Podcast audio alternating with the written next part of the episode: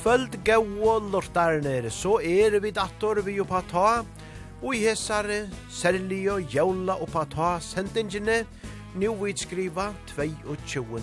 desember. Ja, og i morgen er jo tottlagsmesse davor, så nu er jo jævlene rattelige og i hånden. Og i jar høtte vi til glede å kunne køyre under skåpenar fire, sår, ui okara kæro oj. Ja, jeg har ikke år fire hvordan staurer hese dæveren vær. Ja, spennande framtøy ligger fyrir føtterna av Ødlund som bygva ui sandøytene, og vånande verur eisene folka vakstor etter hetta. Men nu færa vi til at uh, byrja hesa jóloppa ta sendingina beina vegin, og i halte vi færa bæra truivo og i ein ekvelia gauan vekran tja Ingemars, Sjømans jul på Hawaii, eitur hese. Velkommen til jævla oppa ta, og i kvöld 22. desember. Gjere så vel öll somol.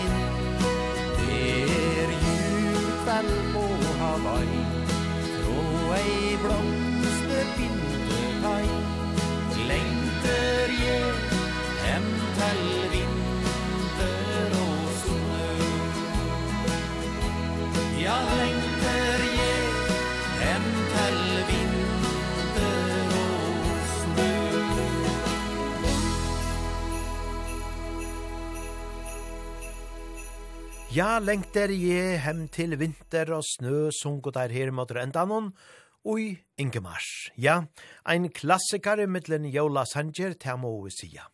Og han reisen innspalter ui nekvon utgavon. Ja, det var også Ingemars som slå på letja tjafiri kvöld, vi he som fraløyka Jola Teunanon. Og te er ekvelia hoa litt av vita, at det er... Uh, Mång som dansa saman vi og gon eisen jo i kvöld, nu vet det så, nær vi jævla aftan, så er det av folk som færre ut og i kulta og kæva, er at dansa saman vi oppa ta.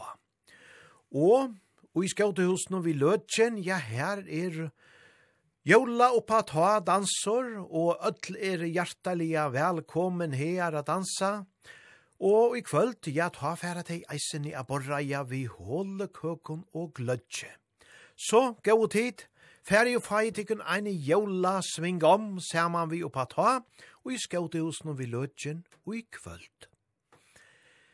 Men vi færa vujare, vi gauon taunon, Ta vere så nu ongen minni en barnens julfavoritter eitir hessen, Og hette er ein jævla sirpa, ein av dem heilt gau, og te er eh, familjan Sigfridsson som syntja og spela. Læt okon høyra her.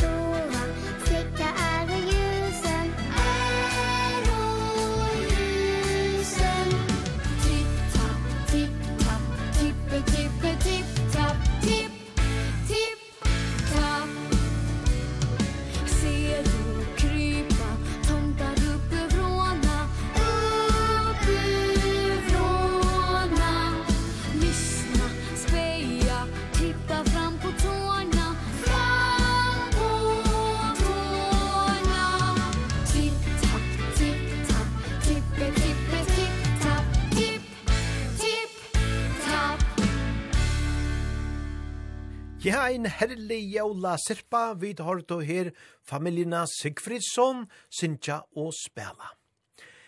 Ja, vi halta stimen oppe og fotten av dansegulven om, ter gjerra vid vi jul i bygda mi, og til er Tronde Erik som færre djevokon hendan nasta tøvnan.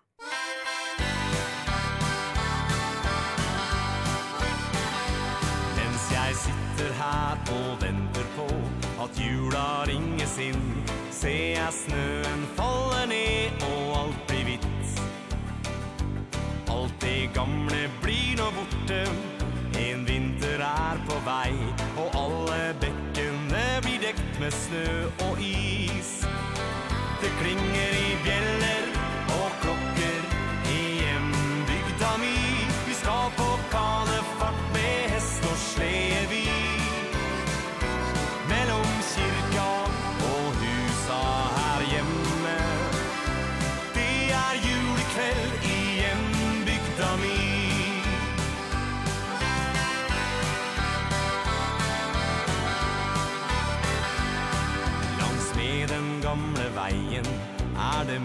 snø i dag. Jeg skal ut og hente meg et juletre. Og vi skal henge opp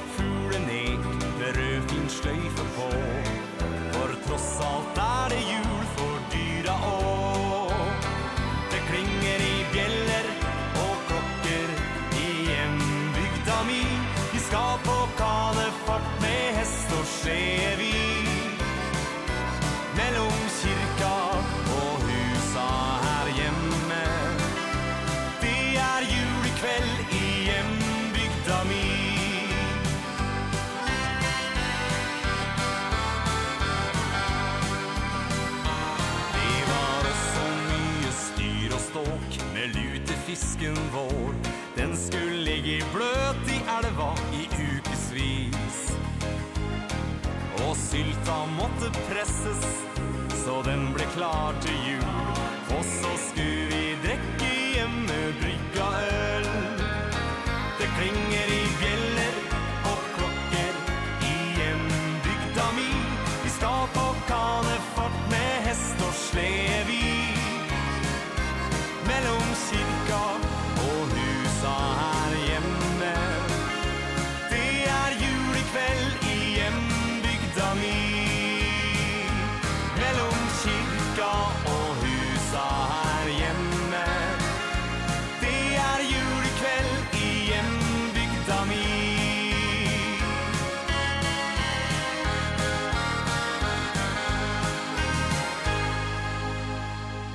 Ein så herligur jævla slagare, jul i bygda mi, vid har du her Trond Eriks.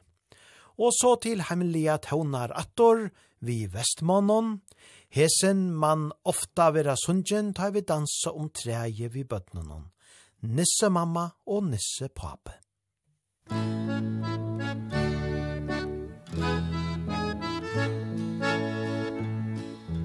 Nisse mamma og nisse Nisso tjenta og drongur. Nisso mætur, nisso bor Nisso fölta kongur. Tjukka nissa, klæna nissa Stutta nissa, lenga nissa Spjölda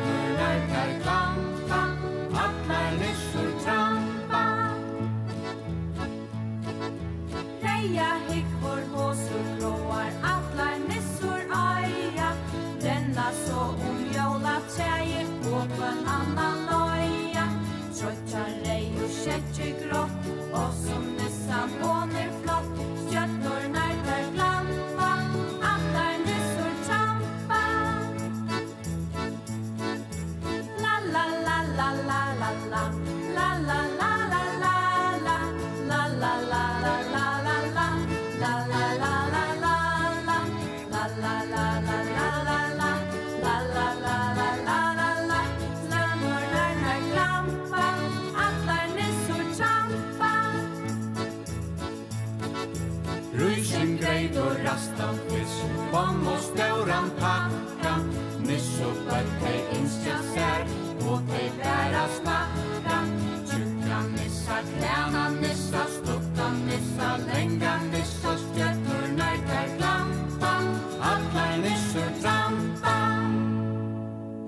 Nisse mamma og nisse pape, ja, ein herliga fittur badna jævla sankor, vi tar du her vestmenn. Og så er det Bjørns orkester som færa djevokonda nasta, jul i stua hos ho farmor.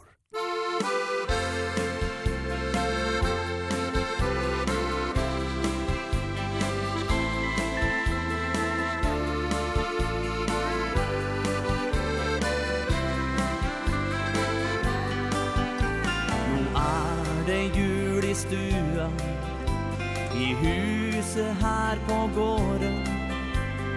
Alle er vi samlet Til ordentlig julekos. På stedet der jeg vokste I glade barndomsår. I huset til ho farmor Der er det julekos. Er jul i stugan till hon far?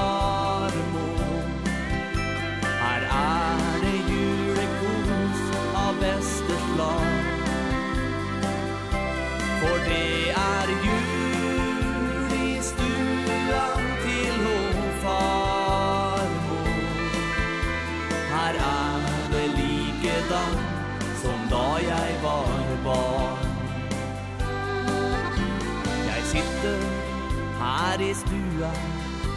Med farmor ved min side. Treet det er pyntet Og ute er det vitt Vi snakker litt om tida. Da jeg var liten gutt Da du satt der ved min side Og sa god natt og sov som går.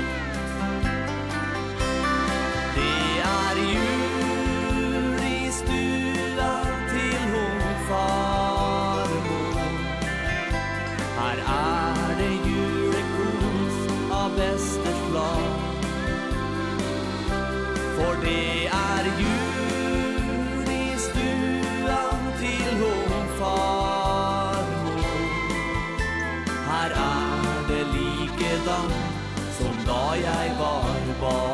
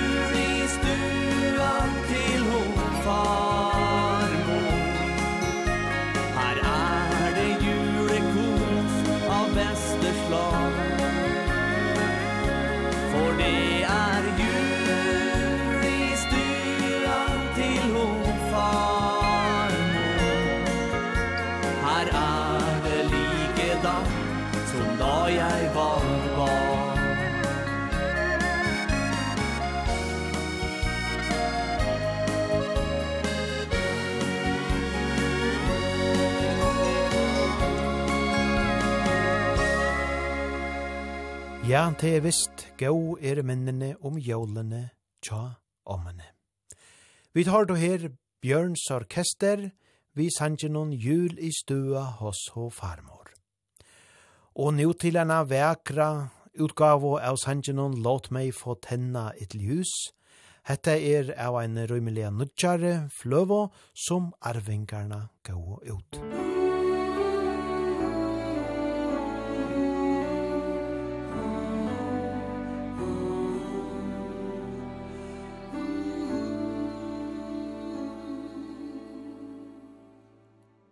Låt mig få tända ett ljus. Tända det bara för dig. Färga din värld röd och klar. Se hur det glittrar till svar.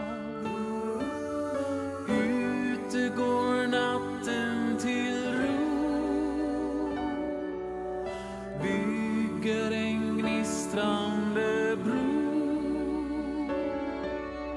Fram till vårt festglada hus. Där jag vill tända ett ljus.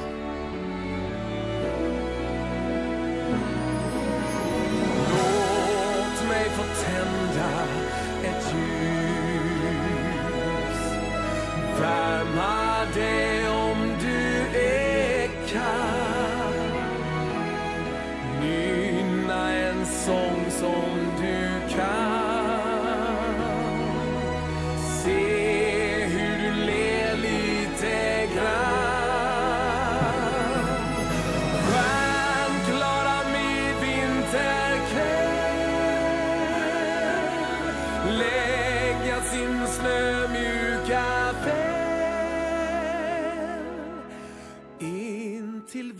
festglada hus. Där jag vill tända ett ljus. Ett ljus för bara dig och mig. Ett ljus för bara dig och mig.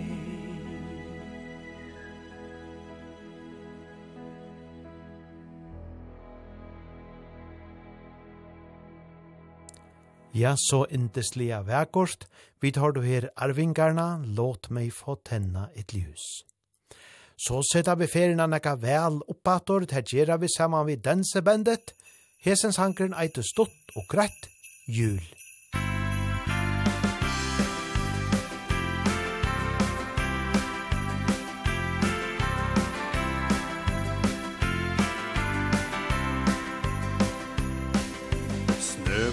og sånn Snø i håret, beste tid på hele året. Det er jul i stue og i slott. Glade barne øyne skinner Vaksne mimrer, gamle minner. Alle synes jula, den er flott. Det er ingenting som jula synes vi.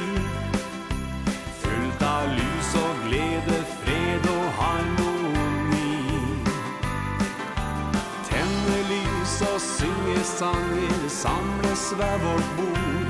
Det er ingenting som jul på denne jord. Det er ingenting som jul på denne jord.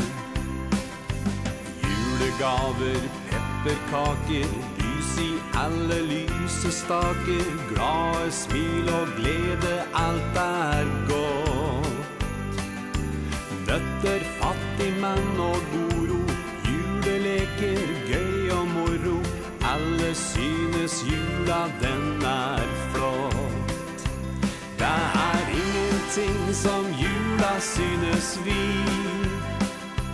Fullt av lys og glede, fred og harmoni. Tenne lys og synge sanger Samles ved vårt bord. Det er ingenting som jul på denne allting som jul på denna jord. Jul i sinn og jul i hjerte Alt vårt strevde er vel verte Takk vår jul for stort og takk for smått. Fredens fest med smil og glede Takk fra alle oss her nere Alle synes jula den er flott. Det er ting som jula synes vi Fullt av lys og glede, fred og harmoni. Tenne lys og synge sanger, samles ved vårt bord. Det er ingenting som jul på denne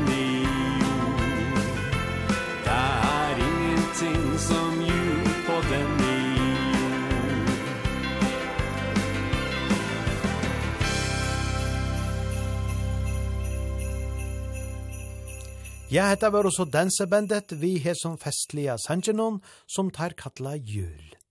Og til nasta vil ikkje minne festligt, ein klassikare om jólene som Kiki Danielsson fra Djevogon, In Talkie Song.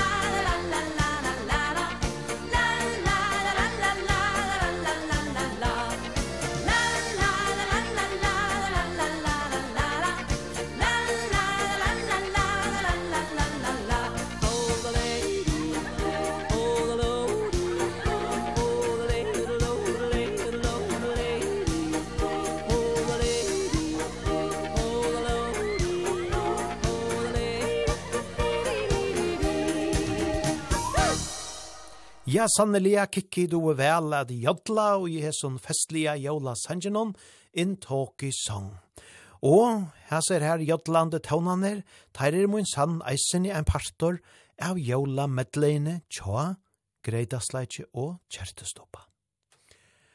Og så er det ta ute på Visjan, hette er ein deilige sangor som vi tøyra Lasse Stefans her, Djevokon.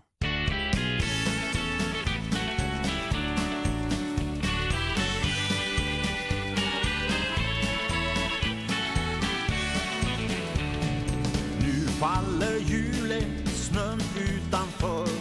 Gröten ska kokas med socker och smör. Skinka och lutfisk, det ska vi få. Och en bärs eller två. Snön den har fallit mest hela dagen. De plogade vägen när vi for till stan. Där köpte vi öl och dricka om bilder från välfyllda fat. Ute på vischan, ute på vischan Där firar vi våran jul allra bäst. Ute på vischan, ute på vischan Där har vi vår julefest.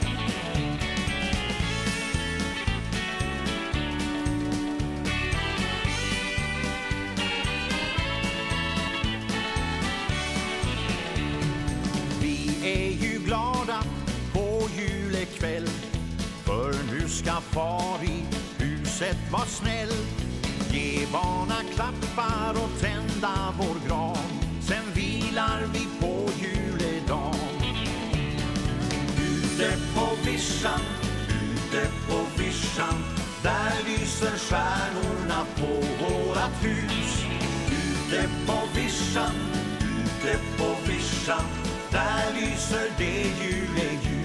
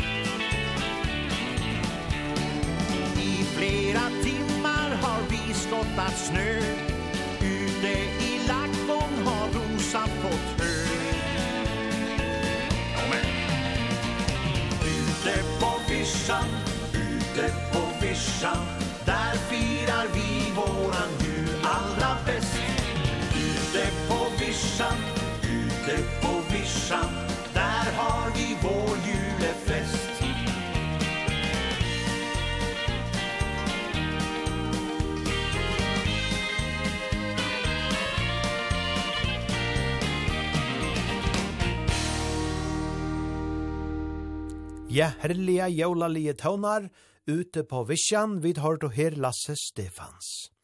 Og så til Danmarkarator og Kantis, tar færa sintja klokkanes klang.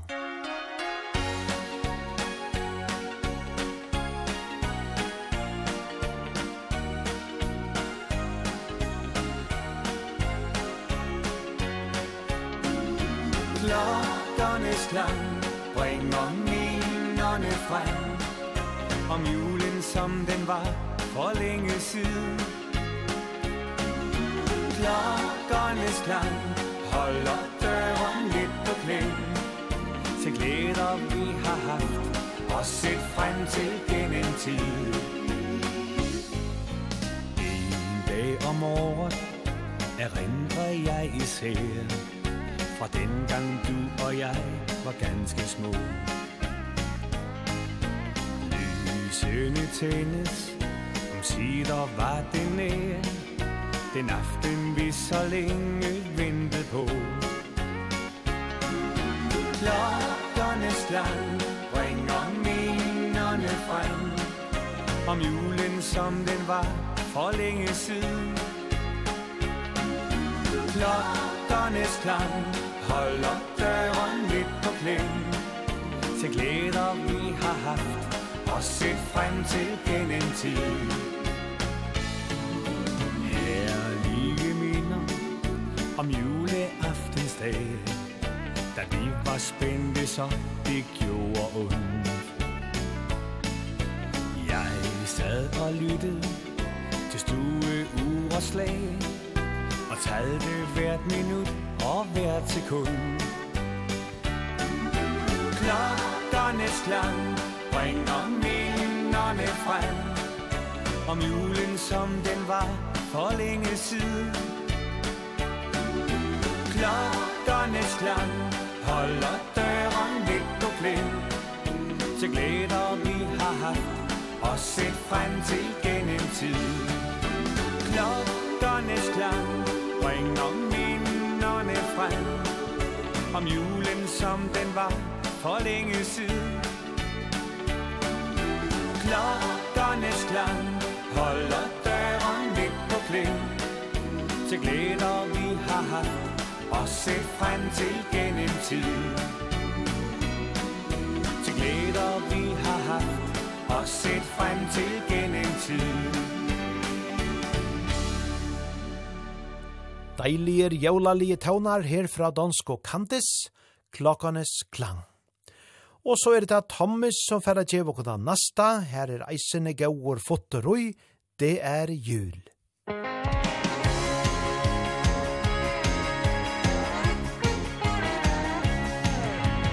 Vaknar upp en morgon, känner hur mitt hjärta slår. Stranden ligger vid på marken, har fallit tungt sedan igår. Du ligger bredvid och sover, som ett barn du nästan ler. Om några timmar är det dags att tomten som vi ser. Det är jul, det är jul. Första julen för oss två. Den ska vi fira med bravur Och gissa vad du ska få.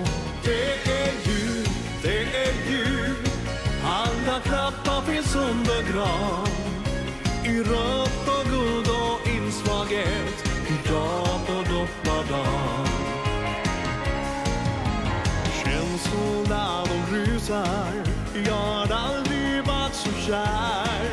Ut mig om julen firas Mig förut innan det var. Dags att ta tag i stöket Byggna till och väcka dig. Snart så väntar det en afton Ihop med världens bästa tjej. Det är jul, det är jul Första julen för oss två. Den ska vi få gissa med bravur Och gissa vad du ska få. Det är jul, det är jul. Alla knappar finns under gran I rött och guld och inslaget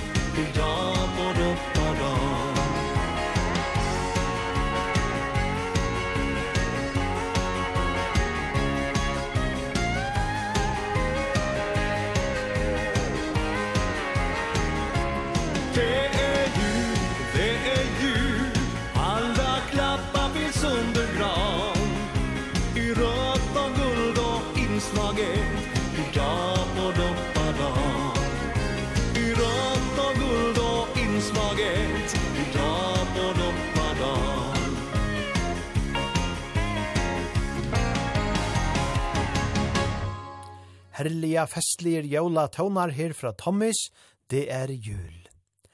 Og så fer, halleluja, så få seg djev og gondar nast og tøvnanar, her synger han så vekkort av svenskon, en stjerne lyser.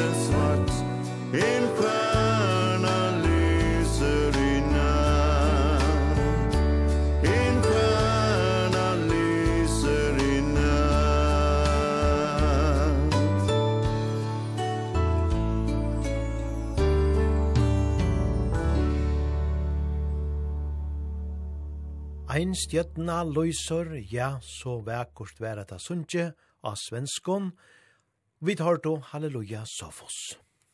Ein indeslige jolasankor og ein fantastisk rødd.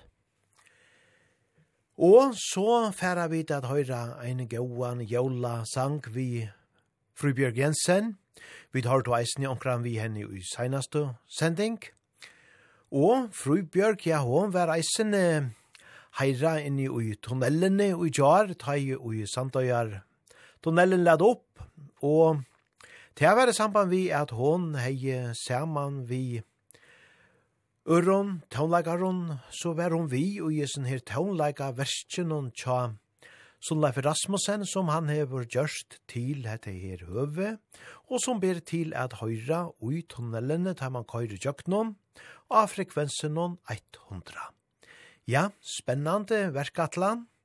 Og vi tar rundt og lusta at vi kort og at til havnar i Gjerskvölde, og jo, jo, man høyrer, man høyrer røtterna av Frøybjørg, til sjálvande telte vidkjørter taunleikor, men to haumar her at han fyrir, tvei gjørst og tvei skukkar, tvei anlit. Det her vil to ikkje han vi færre at og i kvöld, men mine barndoms jól, ein gaur jóla sankor.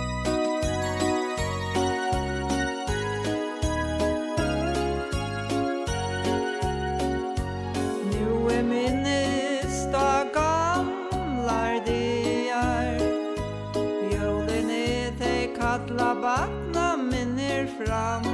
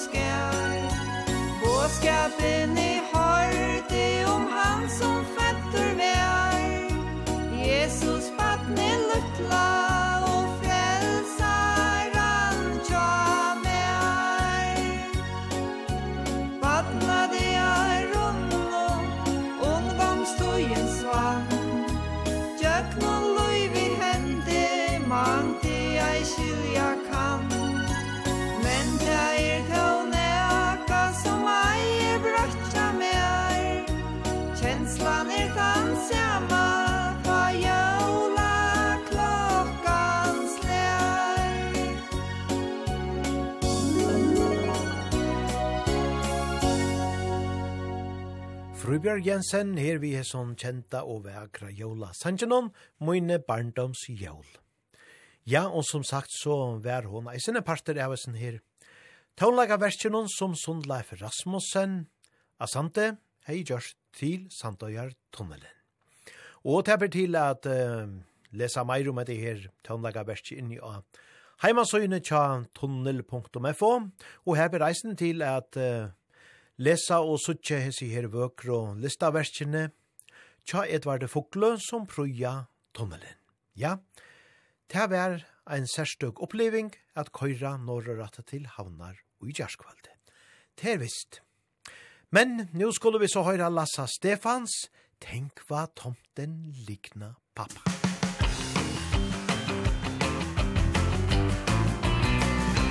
Tenk hva tomten likna pappa Han kunde vara hans tvillingbror Men han ser inte ut som jag trodde. Och tänk han har ju pappas skor Och inte komma genom skorsten. Så säg mig nu vad ska man tro? Tänk vad tomten liknar pappa. Han kunde vara hans tvillingbror Ja pappa måste gå och handla. Han skulle köpa mera smör. Men innan han sen var tillbaka så ringde det på våran dörr. Och utanför så stod ju tomten Och fråga efter snälla barn. Jag tänk han visste vad vi hette Och mamma fick en jättekram Tänk vad tomten liknar pappa. Han kunde vara hans tvillingbror Nej, han ser inte ut som jag trodde. Och tänk han har ju pappas ord Och inte komma genom skorsten. Så säg mig nu vad ska man tro? Tänk vad tomten liknar pappa. Han kunde vara hans tvillingbror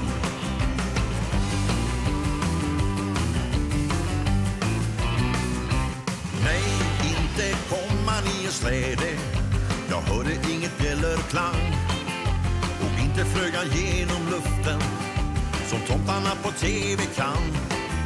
Och rocken liknar mammas kappa Men säcken den var jättestor. Och tänk vad tomten liknar pappa. Han kunde vara hans tvillingbror Tänk vad tomten liknar pappa. Han kunde vara hans tvillingbror Nej han ser inte ut som jag trodde. Och tänk han har ju pappas skor. Och inte komma genom skorsten. Så säg mig nu vad ska man tro? Tänk vad tomten liknar pappa. Han kunde vara hans tvillingbror Tänk vad tomten liknar pappa Han kunde vara hans Ja, han kunde vara hans egen bror Ja, kanskje er det vi kvart såleis at ein avvis lykheit er. Tenk hva tomten likna pappa, vi tar då her Lasse Stefans. Og så skulle vi hava ein gauan jævla vals attor, hesen eidor Marias julevals, og til vera Ole Ivars som djev og han.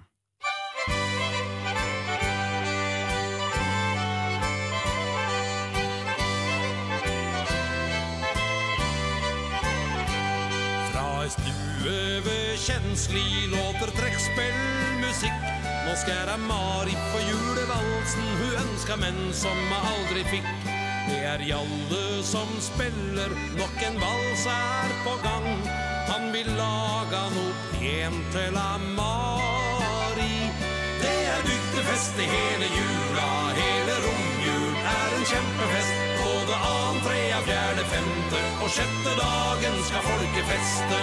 Annen dagen er det dans på Bonheim tradisjon i over 50 år. Trea dagen er det ball på Krugvang Og resten feires på sjølve skjernes Han fikk brent ut en liten kolle kvinter i går. For Peder Unkar i bråta grenna Har nesten polpriser nå i år. Han ser nysnøen dale Ja, den kom som bestilt Plukker toner og tenker på mar Det er bygdefest i hele jula. Hele romjulen er en kjempefest. Både annen, trea, fjerde, femte Og sjette dagen skal folket feste. Annen dagen er det dans på Bonheim Tradisjon i over 50 år. Trea dagen er det ball på Trudvang. Og resten feires på sjølve stjernes.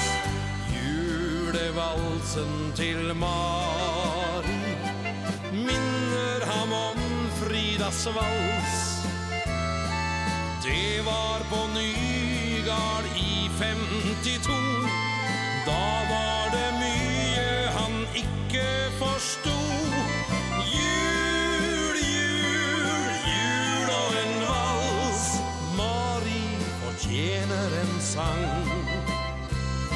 Hun ventet på Janne til Frida forsvant. For godt til å tro det er sant. Alle smaker på brygge. Han er ganske fornøyd Med sitt sjølaga julebrygg Og med egen kompositorisk sløyd. Og han roper på Mari Kom og hør på din vals. Den er din og skal spilles på Vonheim. Det er bygdefest i hele jula Hele romjul. Er en kjempefest Både annen, trea, fjerde, femte sjette På sjette dagen skal folket feste. Annen dagen er det dans på bon En tradisjon i over 50 år. Trea dagen er det ball på Trudvang Og resten feires på sjølve Skrærnes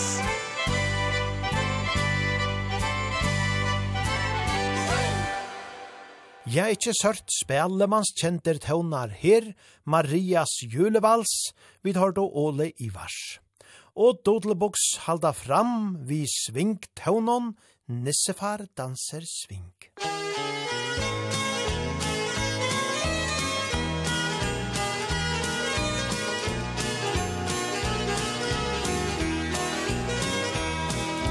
Nissefar, han er litt trett i kveld Men lykkelig og glad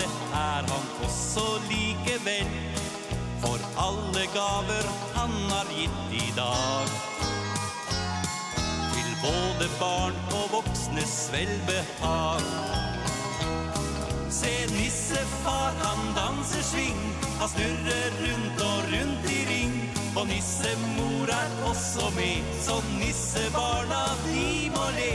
Det er så godt når gleden er så stor for både nissefar og nissemor.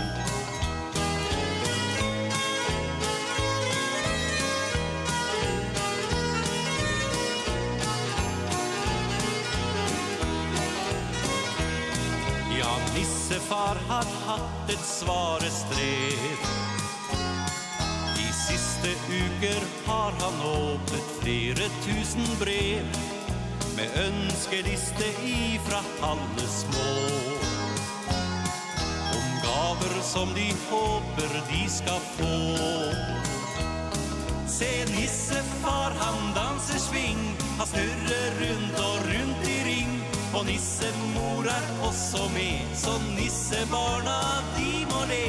Det er så godt når gleden er så stor. For både nissefar og nissemor.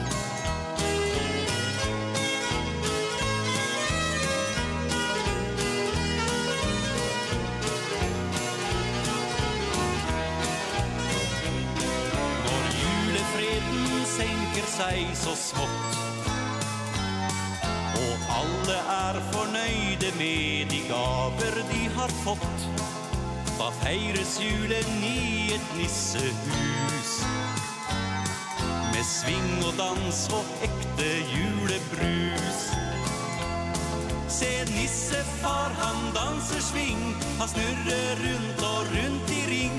Og nissemor er også med Så nissebarna, de må le. Det er så godt når gleden er så stor. For både nissefar og nissemor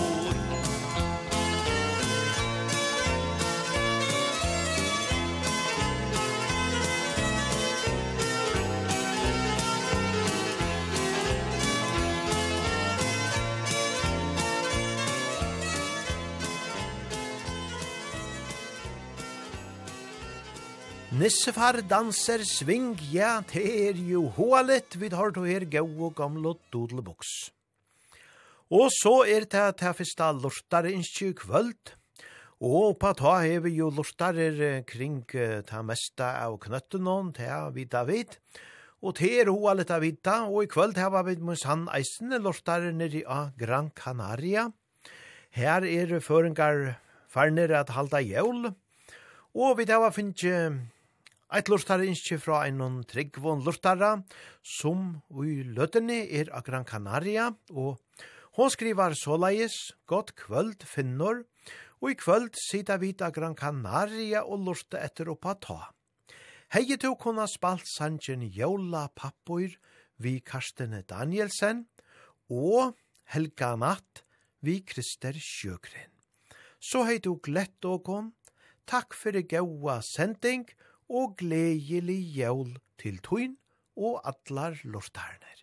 Ja, hese innskjene er så færre vujare om en gledelig jævl, og vi skulle sjálvande spela hesa boa sangenar, og er færre i at innskja tikkun, ötlun her nere av Gran Canaria, eine gledelig og av herranon signaie jævl. Ja, let okon fyrst høyra Karsten Danielsen vi sangenon Jævla Papur. Musik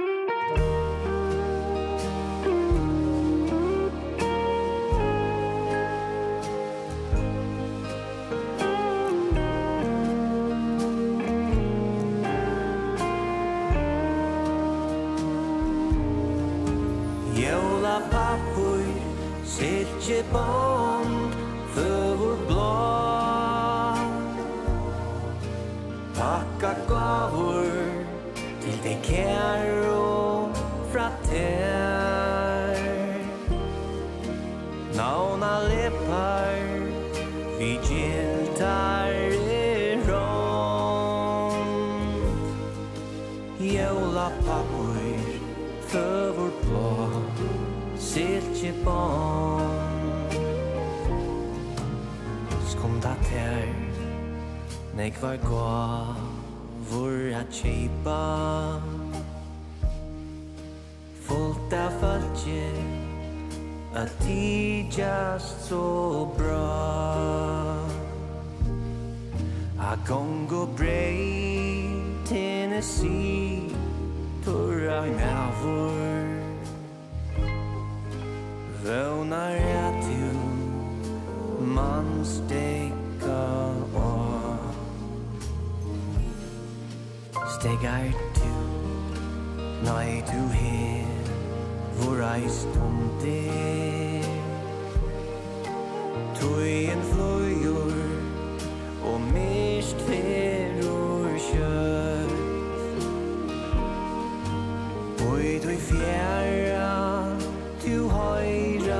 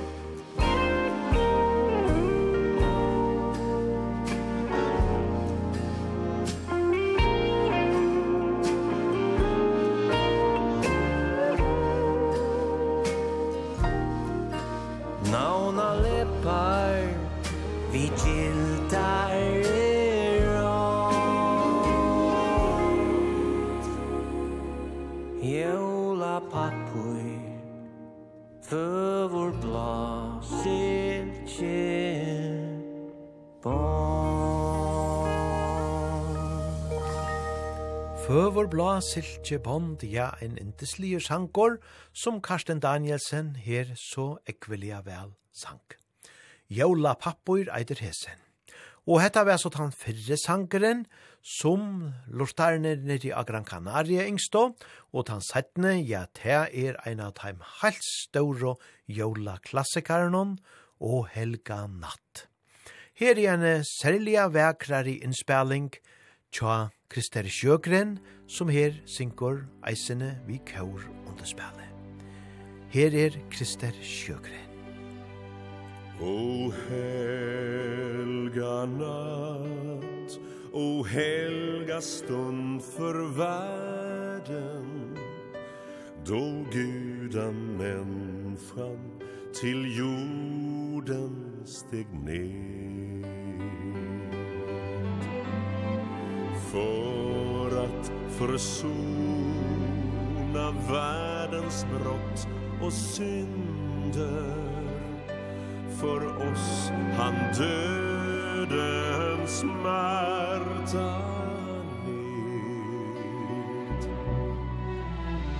Och hoppets tro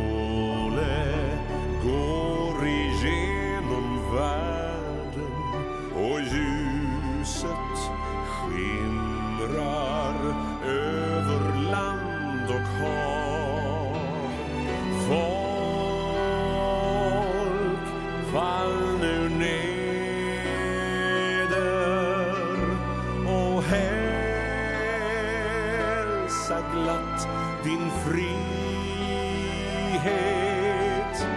O helga natt Du frälsning åt oss gav O helga natt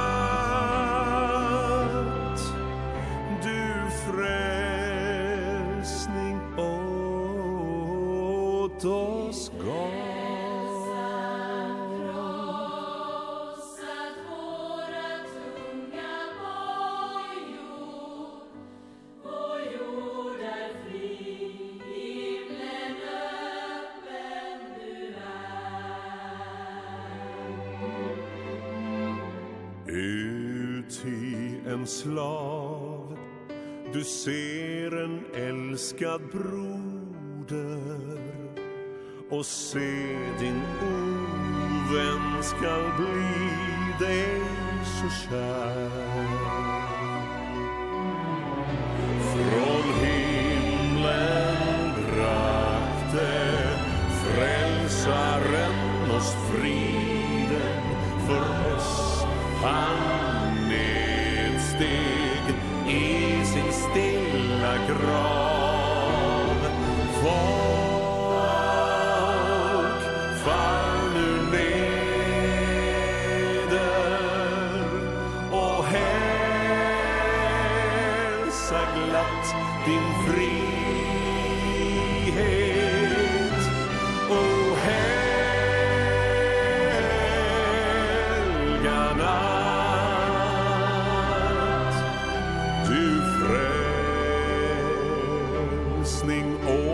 oss gav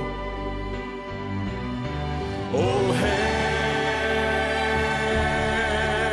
helga natt Du fröjd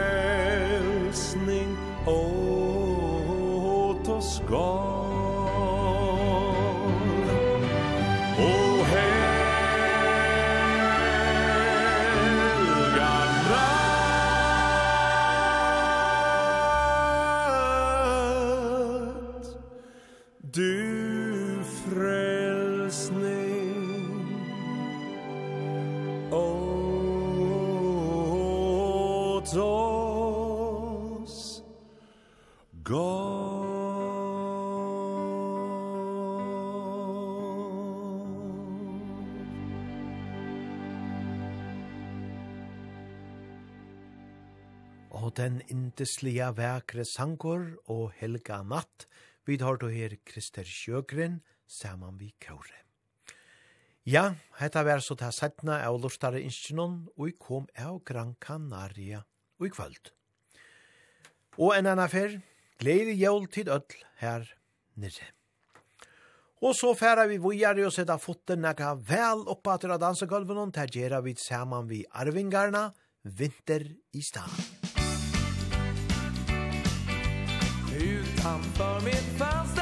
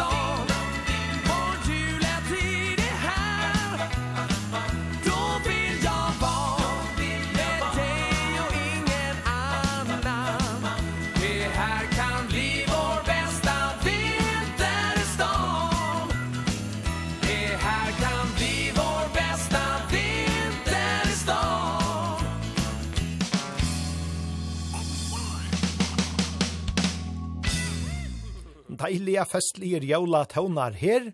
Hette er så en sangor som arvingarna gå ut saman vi striplers og flamingokvintettene, heilt atter i 1955. Arvingarnas jul er at hon, og her er hessens sangerna finna, vinter i stan.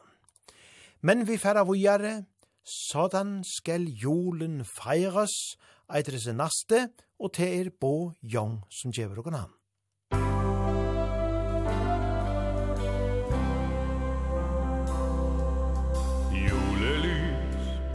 og klart Flammer så hvid og sart Fylder nu stuen med ro.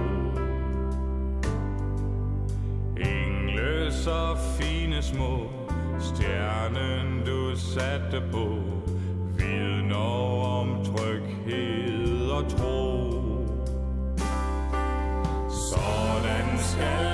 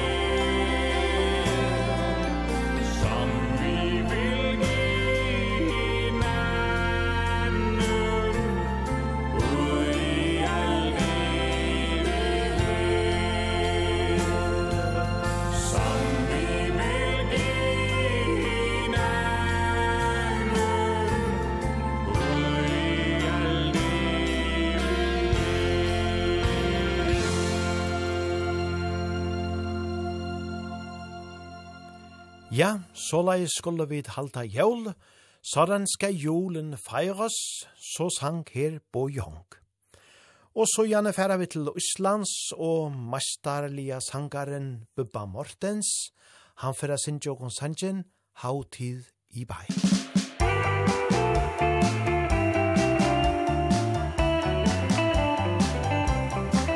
Ljósa tíð, lofting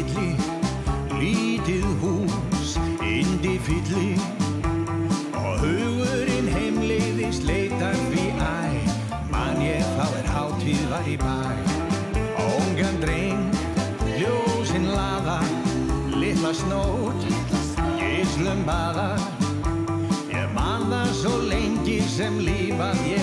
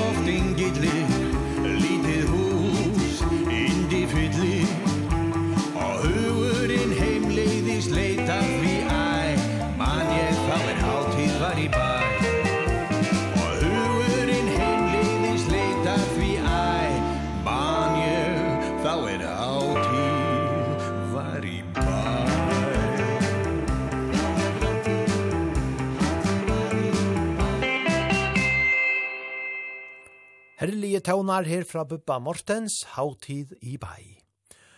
Og så gjerne et av Lasse Stefans som at er skra, hesen deilige jævla sangren eitor Tenn et ljus.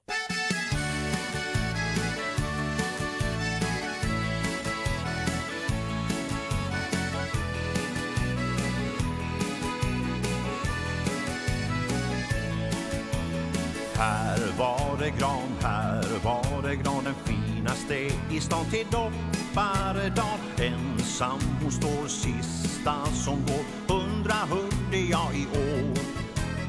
Pengar blir det. Nu ska vi se? 99 gav mig 703 kronor i år. Sista som går. Här drar det katt om ben och lår. Min lilla gran, så grön och fin. Du luktar gott som terpentin. Vill ingen ha dig får jag väl ta dig Som rövat bort dig ur skogen din. Min lilla gran, så smal och ful. Kom ta en vals med knallehjul Här har du knallen med glada trallen. Och han har penningar och häst i sju. Kylan är svår, vintern. I år Han kommer la till ljus och vitt jag förstår. Här var det gran sista i stan. Dagen före doppardagen Natta blir kall bra I så fall. Märra står i Pelle Jannes stall Havre är gott, hö har hon fått? Jag la dit en extra tott. Min lilla gran, så grön och fin. Du luktar gott som terpentin Vill ingen ha dig får jag väl ta dig Som rövat bort dig ur skogen din. Min lilla gran, så smal och ful Kom ta en vals med knallehjul Här har du knallen med glada trallen Och han har penningar och häst i skjul.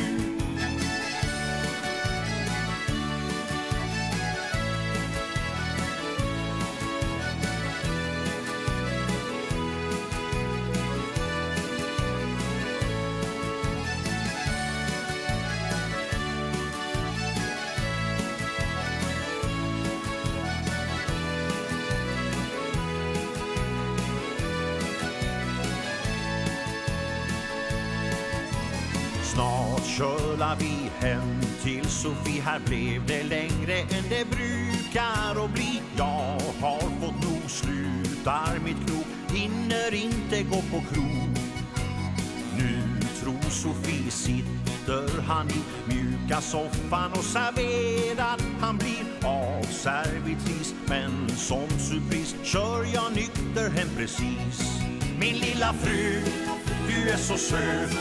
Nu är det jul du kokar gröt Du höll på knallen med glada trallen. När alla trodde han var ett nöt. Min lilla fru, vi kommer snart. Nu kör vi hem, jag vill ha mat. Och här är grana om du vill hana. Och 700 kronor som jag spart.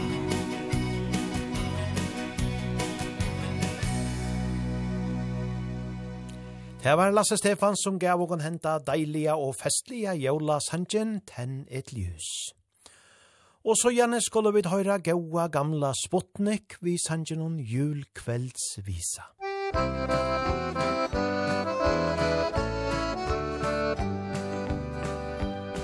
Nå har vi vasket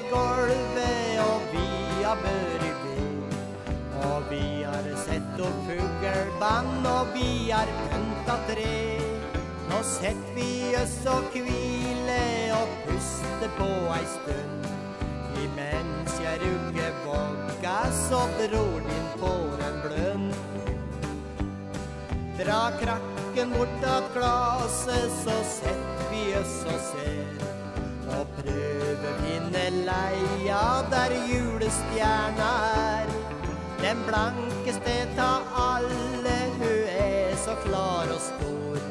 Du ser av over taket Der er jordmor Matja bor. Hun er så snill den stjerna Hun blunke kan du slå. Og nå skal jeg fortelle Ja, og du skal høre på. Den første gang hun skynte Så laga hun ei brun Imella seg og himmel og ei krybbe krybba låg en liten gutt så fräsk och rein och god. Och mora streiv og ställten och fara sto och lo. Och gittergutta där omkring dom kute till og frå. Och bar med sex små lammunger som gutten skulle få. Och della med trevise men dom reiv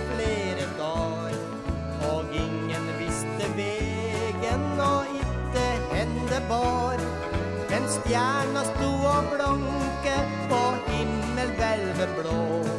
Så ingen ta dem gick bort sig Och alla tre fick sjå. Ja, det var första gången Som julestjärna brann Men se, jag har brönn I alle världens land. Och samma år som hände Är stjärna lik stor Du ser av over taket Der ei jordmor Matja bor. Du ser av over taket Der ei jordmor Matja bor. Julkveldsvisa, ja, vi tar det her hendan deilige tøvnan, og til hver spottnik som gav og han. Og så færre til beie Liss og Per, er djev og henta nasta danska jola tøvnan, vi deler sneen ned.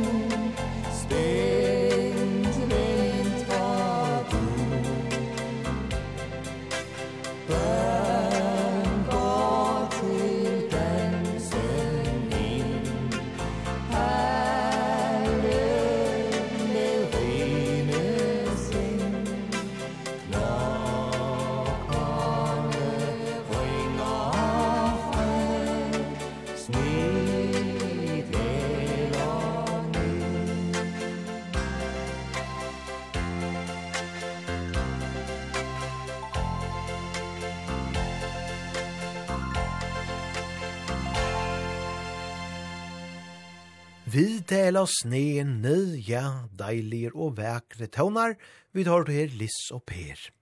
Ja, om vi får en kvittan jøla aftan, til Vi da vet ikke bevisst om, men det er noe nega som tøyer på at eisene sambart vevor stovene.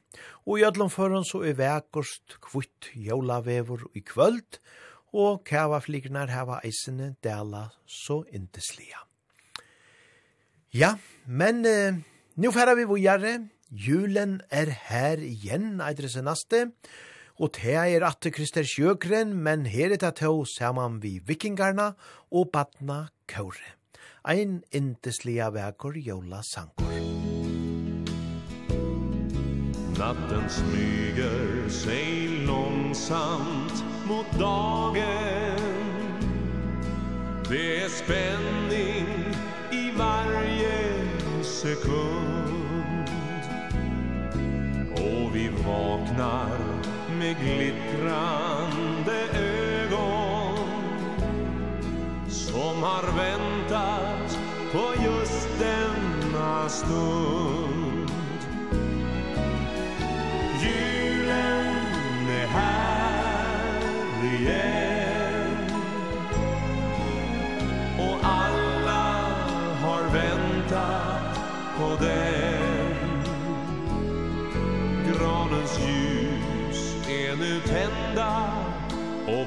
som ska hända har alla små barnen på känn. Julen är här igen. Precis som en kär gammal vän. Lätta flingor som falla har ett budskap till alla att julen är här igen.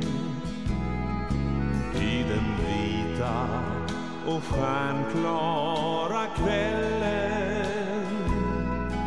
Mötas drömmarna ännu en gång. Och i ekot av klockor som ringer Kan man höra en jublande sång.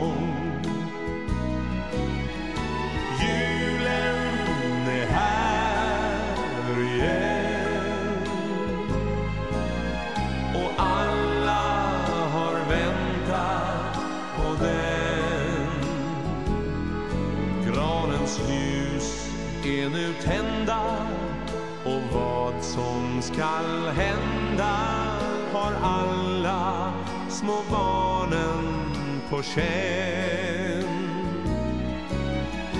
Julen är här igen.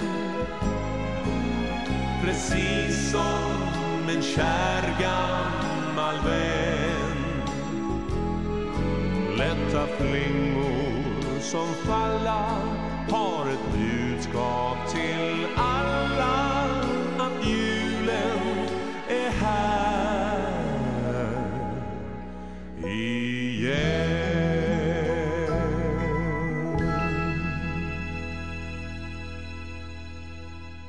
Ja, intesliga väkrer tonar herfra Vikingarna, vi Krister Sjøgren av åtta, sama vi Kåre, Teis Honko og Spalto Sanjen, julen er her igjen.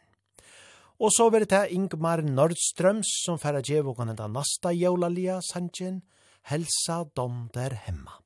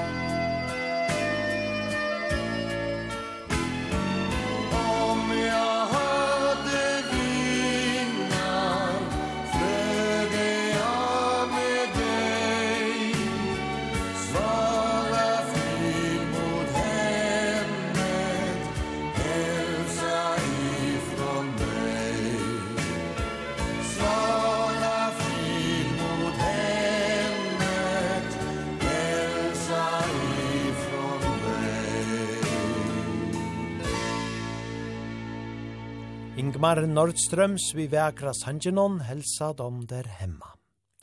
Og hver minnest ikkje hentan deilige klassikaren ur filmen Lady og Vagabonden, Bella Notte, og han fer Halleluja Sofos er djevokon.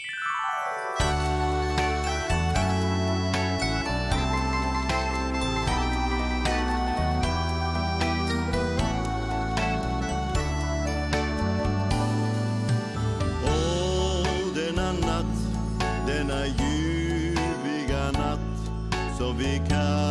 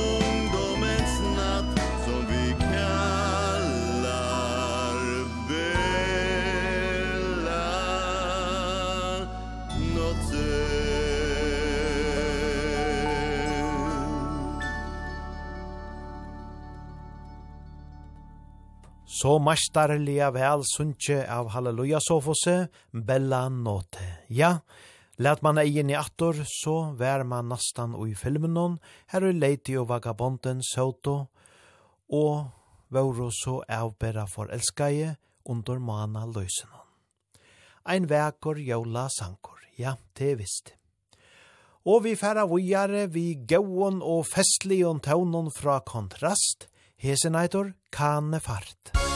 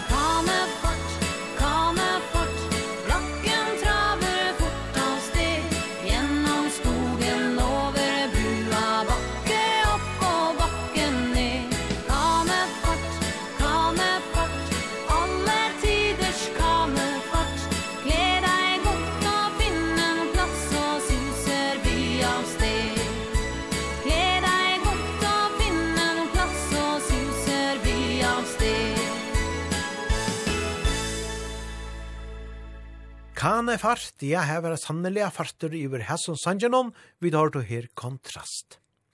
Søstrene Eikos djev og nasta her ter synsja om jævla gavene.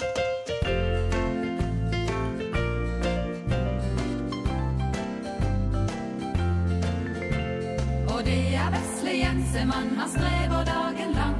Han snekker på noe spennende som snart skal bli presant Nå er det bare kassebo, men gjett hva det skal bli.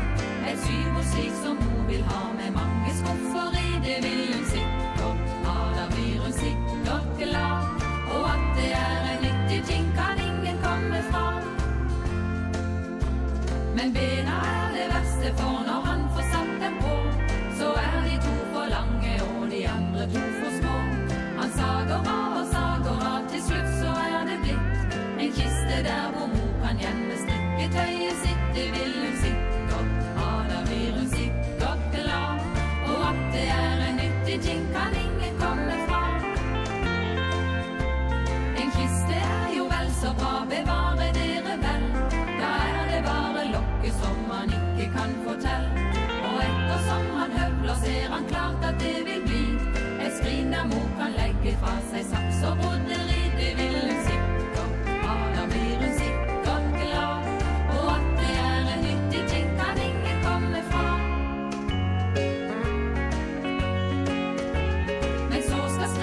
høfles fint og jevnes lite grann Og den som jevner flittig, det er vesle Jensemann Og ettersom han jevner er det opplagt at det blir. En eske der som mor kan gjemme brev av kopp papir Det vil hun sikkert ha, da blir hun sikkert glad. Og at det er en nyttig ting kan ingen komme fra. Nå skal han bare ta og høvle høyre siden her. Men etterpå så må han høvle venstre et lite fuglebrett. Som mor kan ha ved vindu sitt Med havregryn og fett. Det vil hun sikkert ha Da blir hun sikkert glad. Og at det er en nyttig ting Kan ingen komme fra Og så er gaven ferdig Selv om lange mann er blå. Og tommeltott av plast og laps Og fryder han seg nå. For gaven ligger pakket inn Og gjett hva mor skal få. Et spekefjøl som mor kan smøre skolematen at det vil hun sikkert ha, da blir hun sikkert glad. Og at det er en nyttig ting kan ingen komme fra.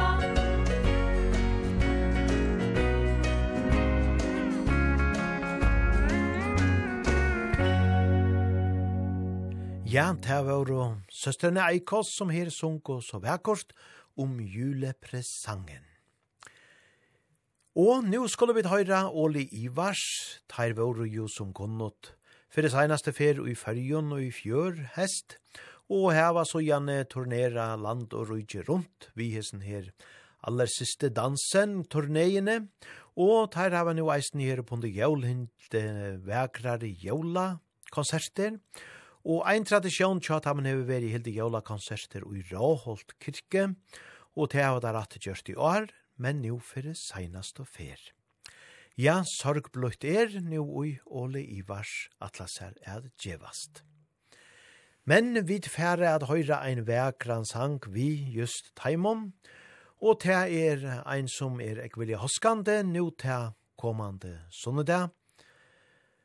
aftan er fjore sunnedavur ui advent. Læt okon her høyra Ole Ivars vi siste søndag i advent.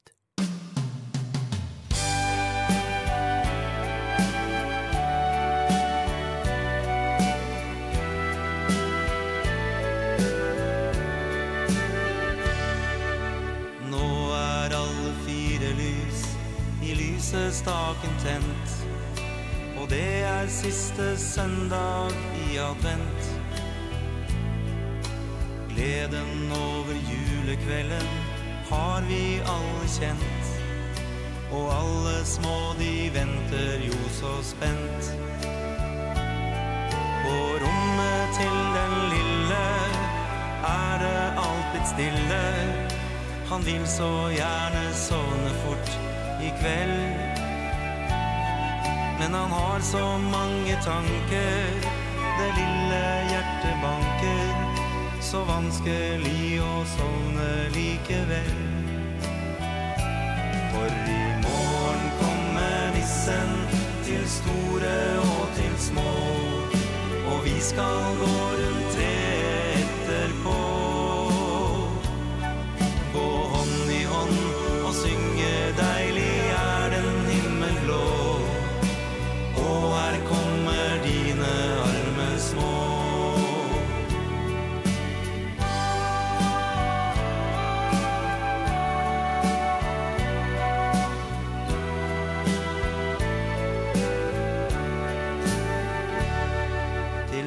tar søvnen overhånd Og barnet sovner inn. Med mange fine drømmer i sitt sinn. Jeg skjønner at han sover Og gir ham et kyss på kinn. I morgen skal han få presangens lyd Stillheten seg senker Og jeg som voksen tenker så skjønt at vi får nok en jul i fred. Ei stor og vakker stjerne Blinker i det fjerne Og ute daler julesnøen ned. Og i morgen kommer nissen Til store og til små Og vi skal gå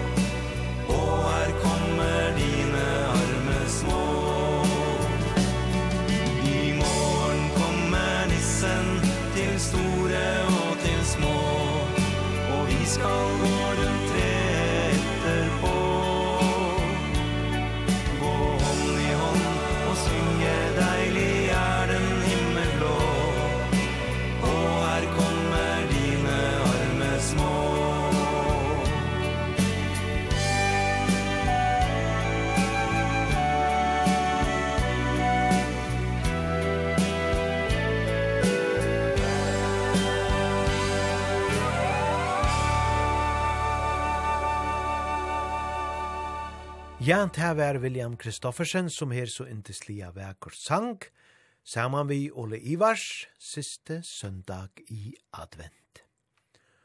Og så skulle vi høre danska Rikard Ragnvald, skal vi klippe vår jule hjerta sammen.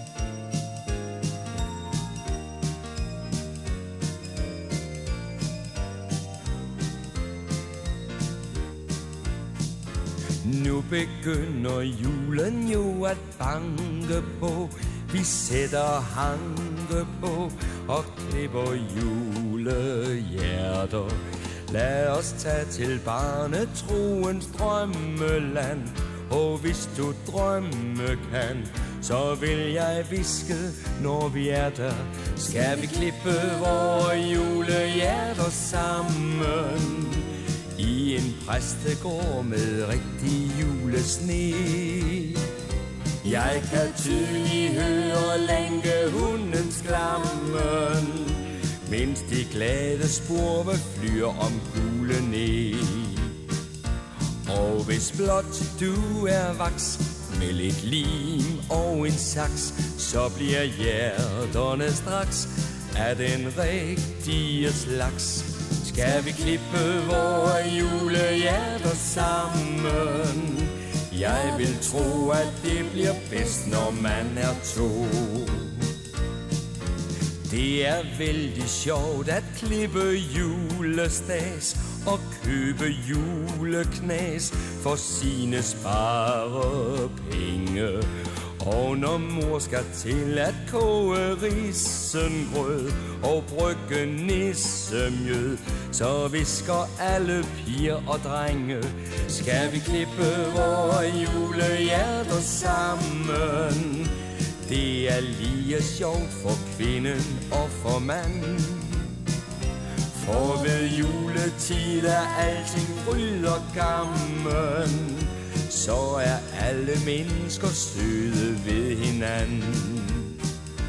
Og når julen har bragt Vore hjerter i takt Så er stemningen vagt Lige så snart han får sagt. Skulle vi klippe vore julehjerter sammen? Kind mod kind, mens julekosen bærer sind. Skal vi klippe julehjerta sammen? Ja, vi har du her, Rikard Rangvald. Og nu færa vi den narska spegelige enda noen av hes av Batoa. Juletid eider det senaste, og det er Lasse Stefans som færa djevokon han.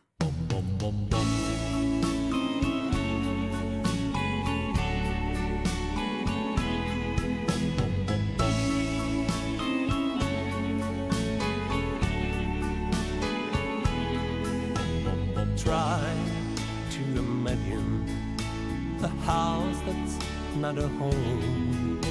Then try to imagine A Christmas all alone. That's I'll be since you left me. My tears could melt the snow. What can I do without you? I've got no place, no place to go.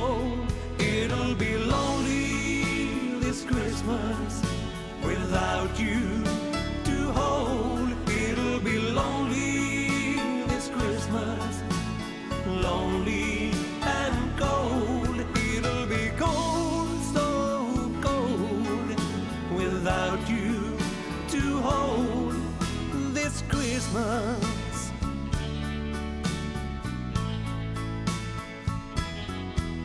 Each time I remember the day you went away. How I would listen to the things you had to say. I just break down as I look around And the only things I see are emptiness and loneliness And a lonely Christmas tree.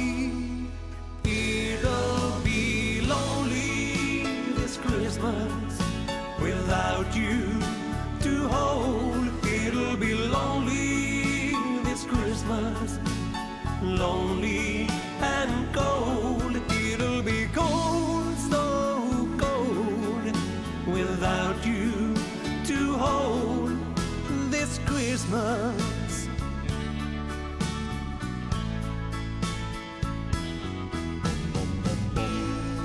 You remember last year when and I were here. We never thought that'd be an end. And I remember looking at you. And I remember thinking That Christmas must have been made for us. Cause darling, this is the time of year That you really, you really need love When it means so very, very much. So it'll be lonely this Christmas. Without without you to hold. Yes, it'll be so very lonely. Lonely and cold. It'll be lonely this Christmas Without you to hold. It'll be lonely this Christmas Lonely and cold.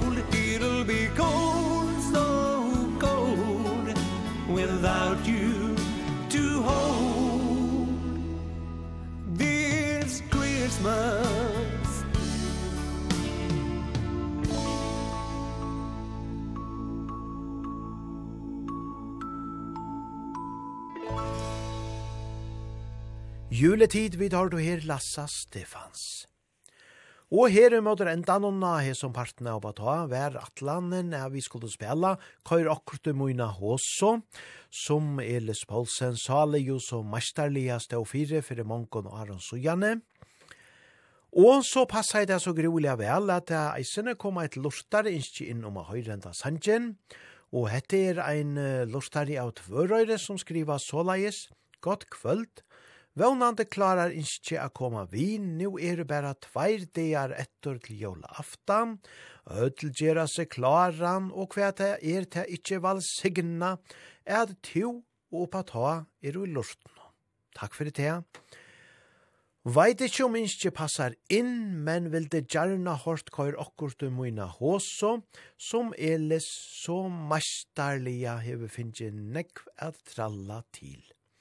Takk og gledelig jævl til tøyn og tøyne. Jo, takk for det her, og jeg sier eisene gledelig jævl til tikkon. Og ja, det er sikkert og visst at det er nek som inta at tralla og sinja vi hesson sanjeno.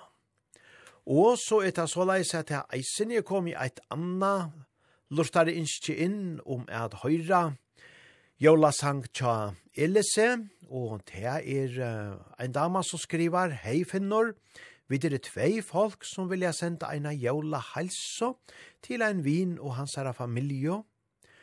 Eine gledelig jól og eit av herran og valsikna nudjar, håpe tid hugga tikon ui Esterøyje. Ja, men så er hantan halsan eisene færre. Og jola sang, ja, det skal du høyra. Tui, her færa vi da lortet etter, og tralla saman vi, køyr okkurs ui myna og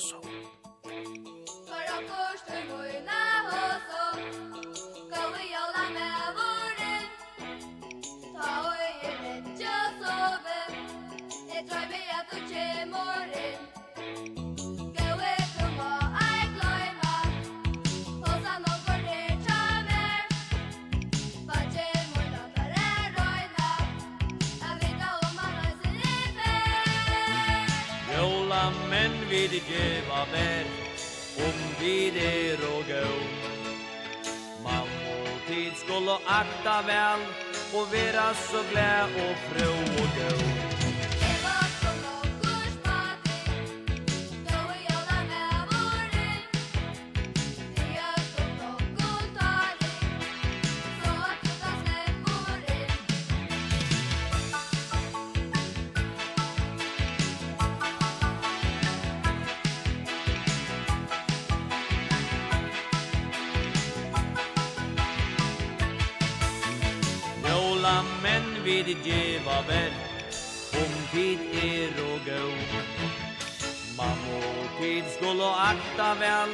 og vera så glad og brød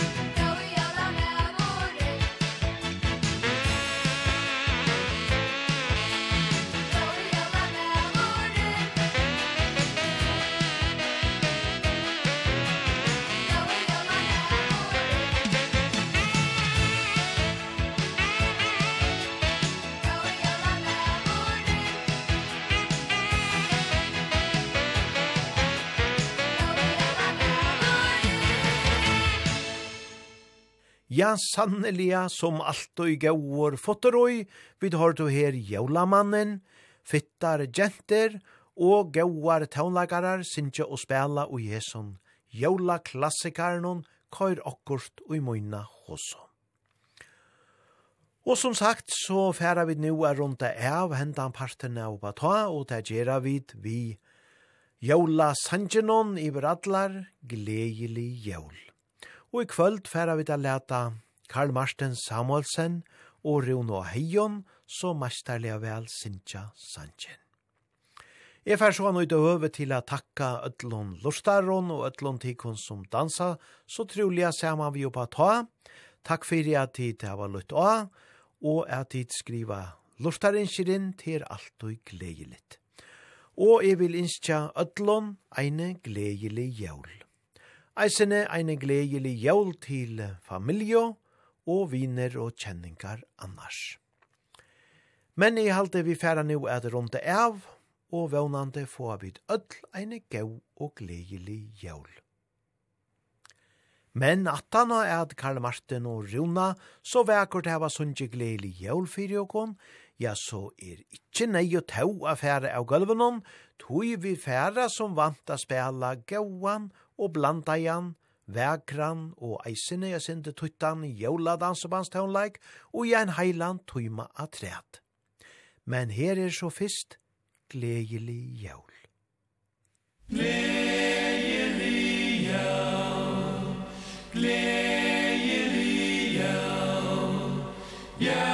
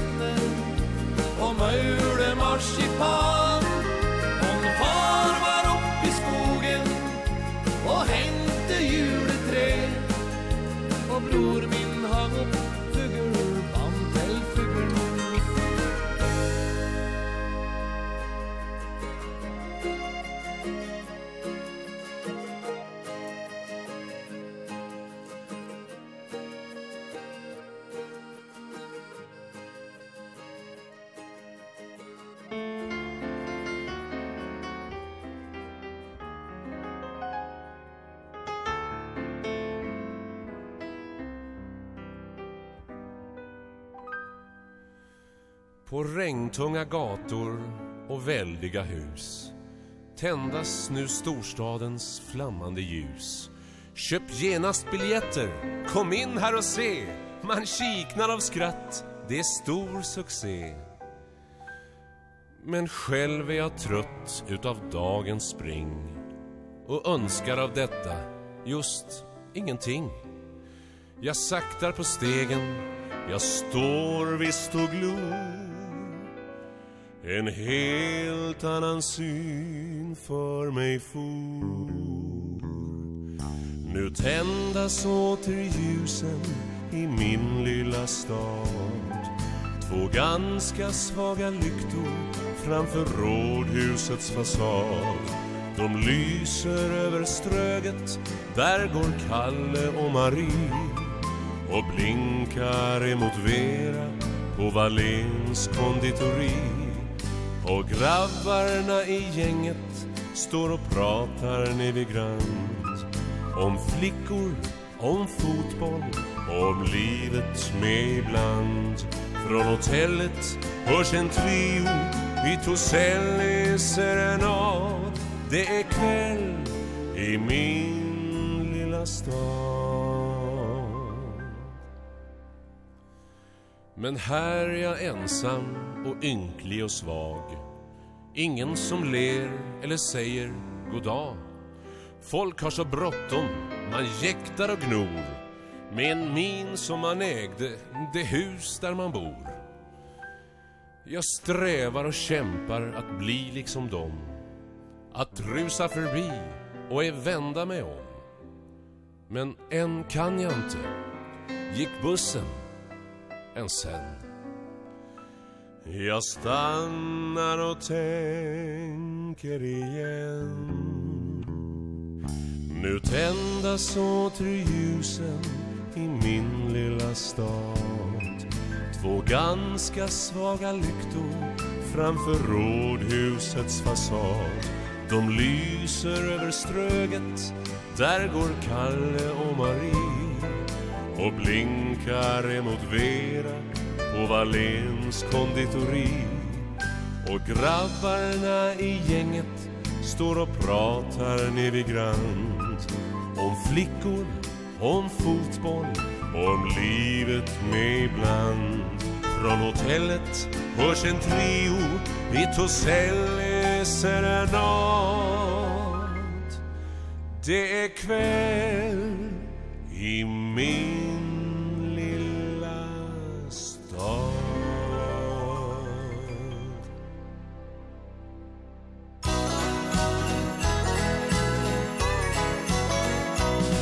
Vær flittig og snill og ikke vær slem.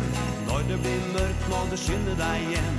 Julenissen kommer i kveld. Da finner han ut han skal dra. Hvem som skal få det de gjerne vil ha. Julenissen kommer i kveld. Han vet om alle slemme Og ingen lurer ham. Han vet om du er riktig snill Så vær snill så godt du kan. Om alle kan si at du har vært grei Tror jeg nok sikkert han kommer til deg. Julenissen kommer i kveld.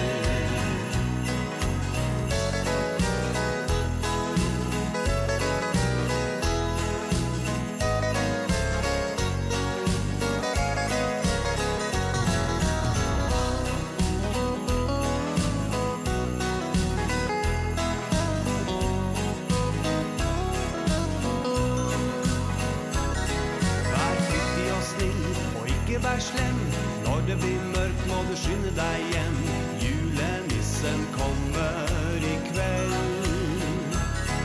Da finner han ut hvor han skal dra Hvem som skal få det de gjerne vil ha.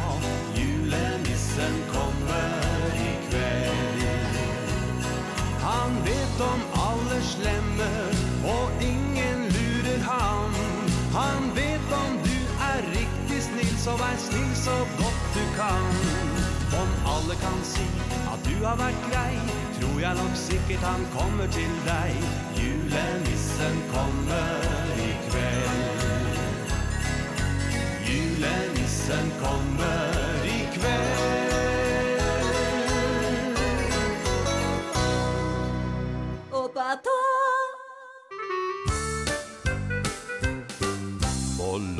Svarte nissen med sin julegrøt. Så god og søt, så god og søt. Han nikker og han smiler og han er så glad. For julegrøten vil han gjerne ha. Men rundt omkring står alle de sparotter Og de skotter, og de skotter. De vil så gjerne ha litt julegodter. Og de danser, danser rundt i ring. Men nissen se, han truer med sin store skje. Nei, bare se, og kom av sted. For julegrøten min, den vil jeg ha i fred. Og ingen, ingen vil jeg dele med. Men rattene, de hopper og de danser. Og de svinser, og de svanser. Og de klorer etter grøten, og de stanser. Og de slår om nissen detter ring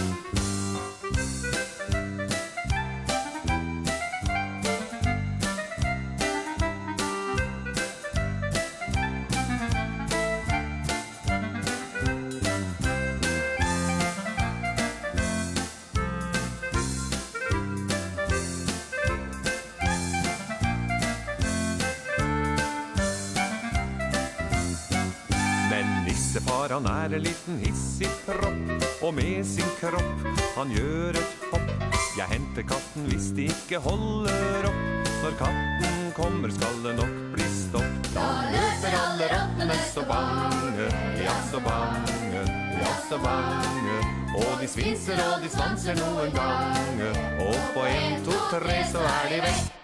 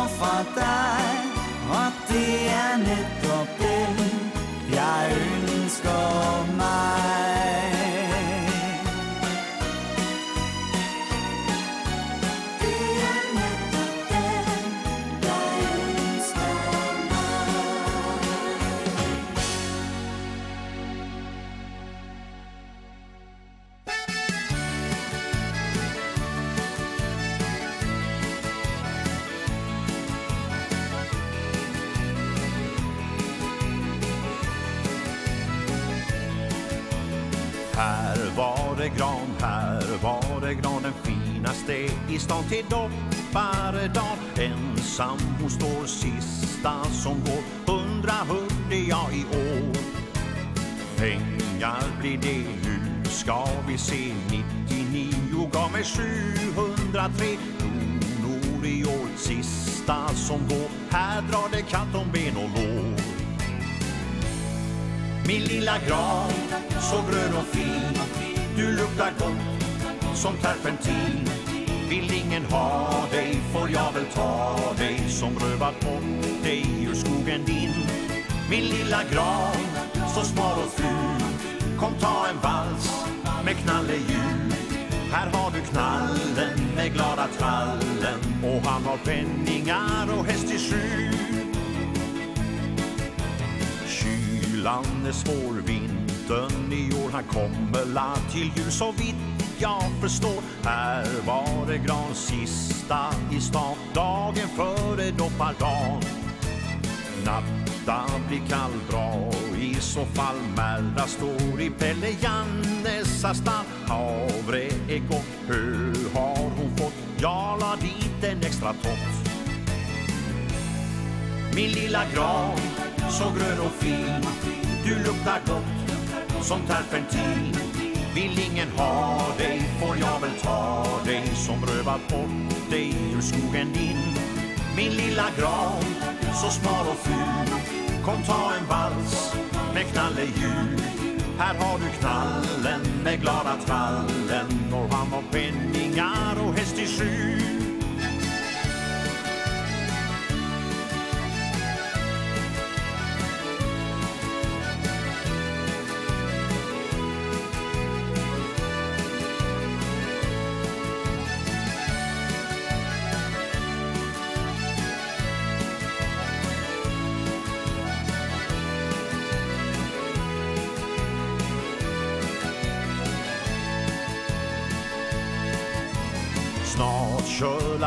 hem till Sofie. Här blev det längre än det brukar att bli. Jag har fått nog, slutar mitt krok Hinner inte gå på krog Nu tror Sofie sitter han i Mjuka soffan och serverad Han blir av servitris Men som surpris kör jag nykter hem precis.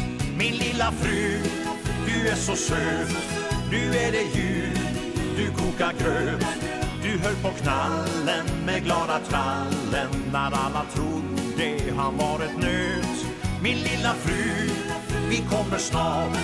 Nu kör vi hem, jag vill ha mat. Och här är grana om du vill hana. Och 700 kronor som jag spart.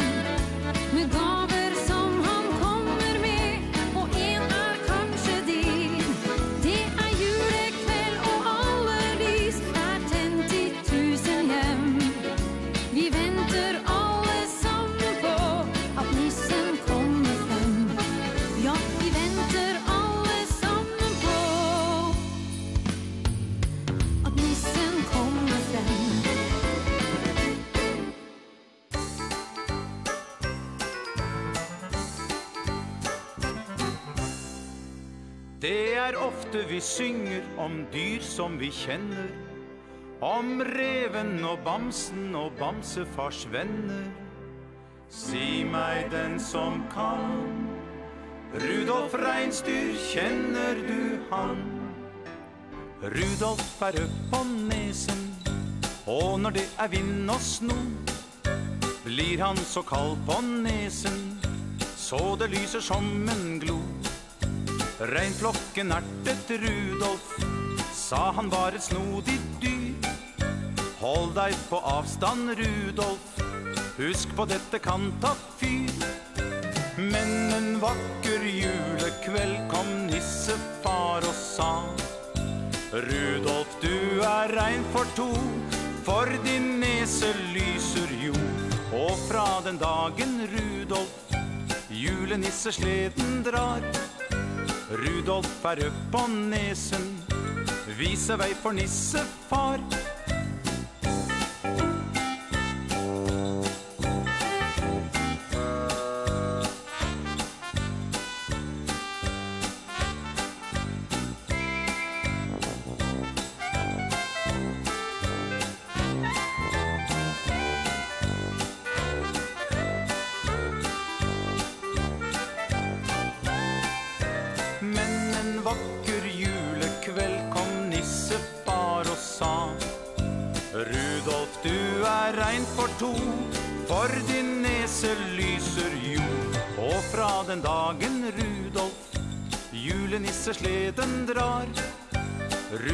far upp på nesen.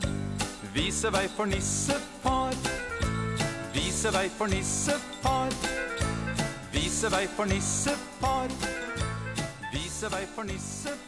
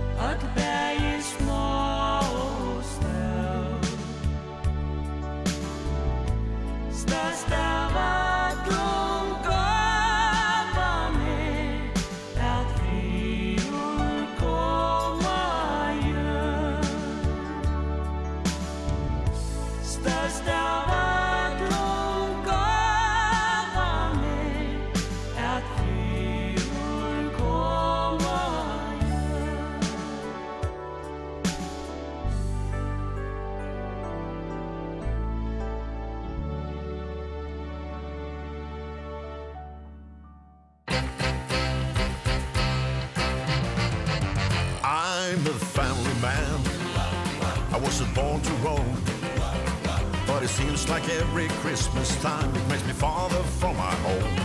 I love singing my song But it gets me down. To hang my stocking in some hotel When the fat man comes to town. But it's alright.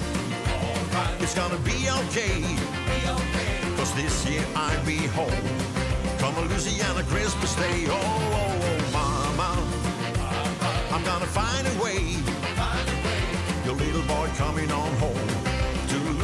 Christmas Day. Way up in the bayou There won't be snow. But my friends all invite me round For a Christmas fade-o-do. I'm gonna hop a plane All I use my thumb. But you best believe I'll be round that tree When the Christmas morning comes. Oh, it's alright It's gonna be okay. Your little boy coming on home To the Louisiana Christmas day. Oh, oh, it's alright right. It's gonna be okay Be okay. Your little boy coming on home To the Louisiana Christmas day.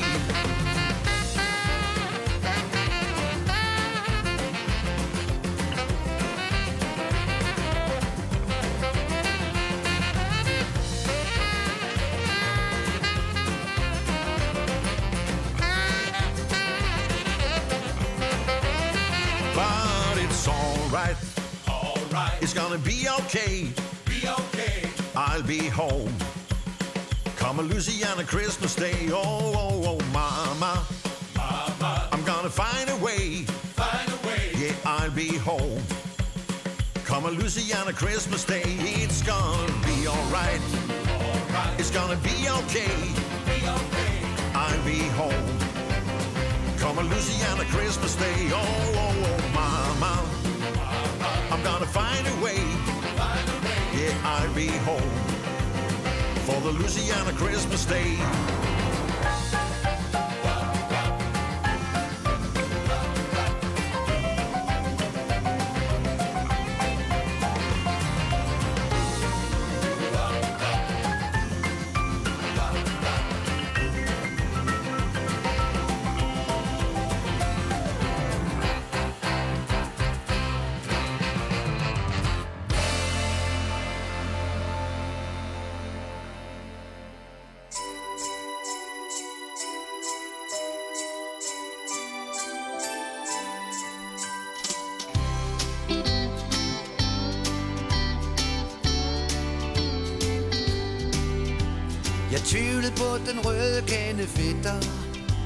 I årvis var gaven kun en sweater Men så en streng og frusen vinter. Kom han med en rød lakeret fender Derfor er jeg vild med julemanden. Og juletegne filmer marcipanen.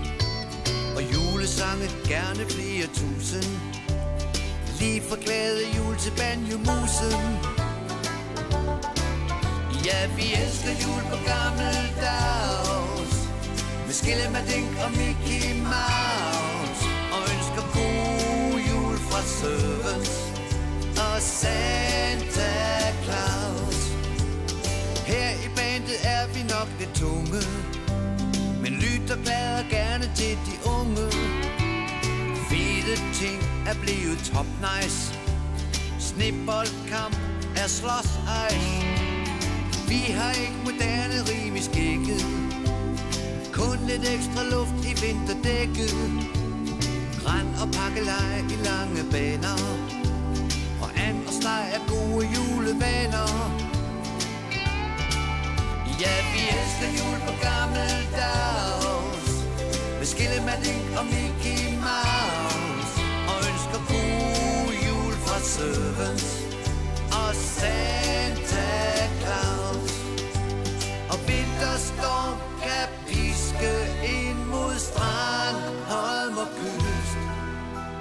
benim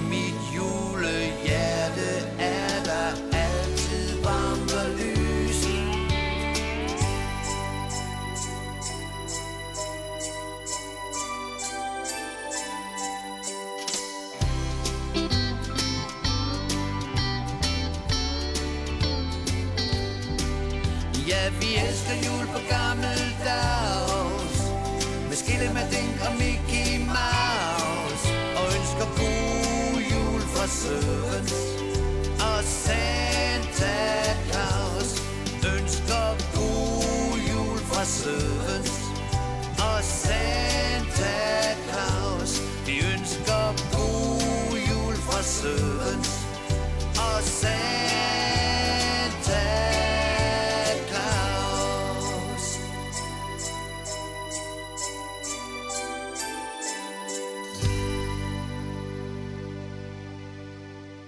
ばと」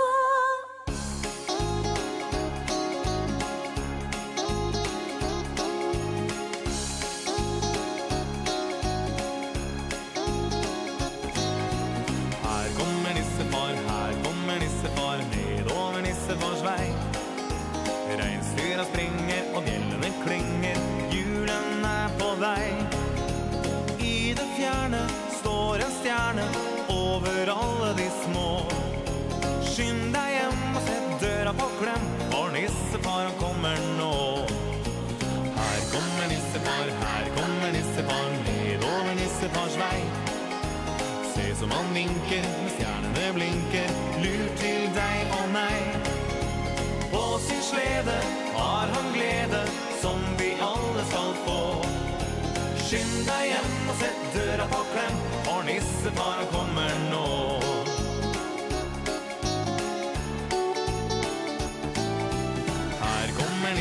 for her kommer nissefaren ned over nissefars vei.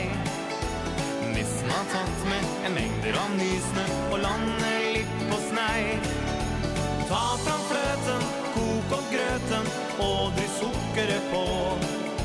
Skynd deg hjem og sett døra på klem, for nissefaren kommer nå.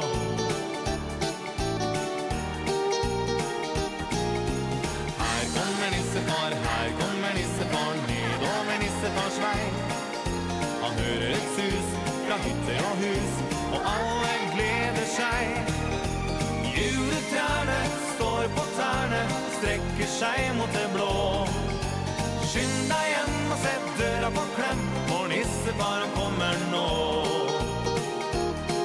For nissefar han kommer nå.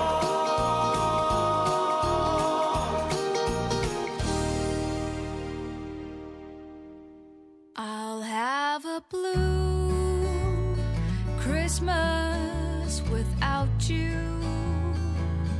I'll be so blue just thinking about you. Decorations are red on a green Christmas tree. Won't be the same dear if you're not here with me. And when those blue snowflakes start falling And when those blue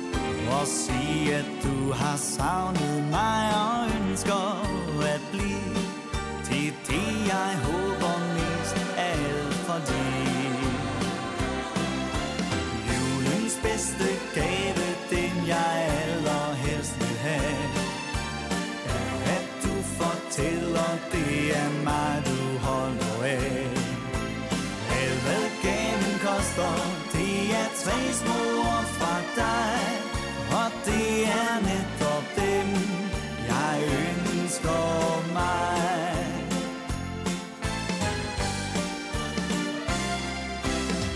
Min telefon er stille Jeg føler den er tavs som aldrig før Og jorden luftens dag og lige så roligt på her. Imens jeg står og tænker for mig selv. Julens bedste gave, den jeg allerhelst vil have At du fortæller, det er mig du holder af Alt hvad gaven koster, det er tre små ord fra dig det er netop den Jeg ønsker mig Gør klog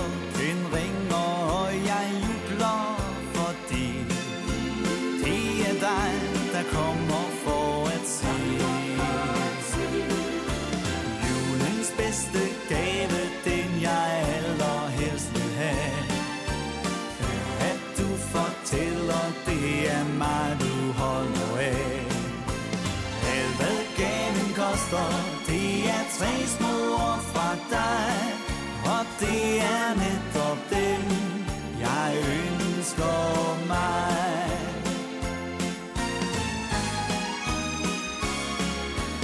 Julens bedste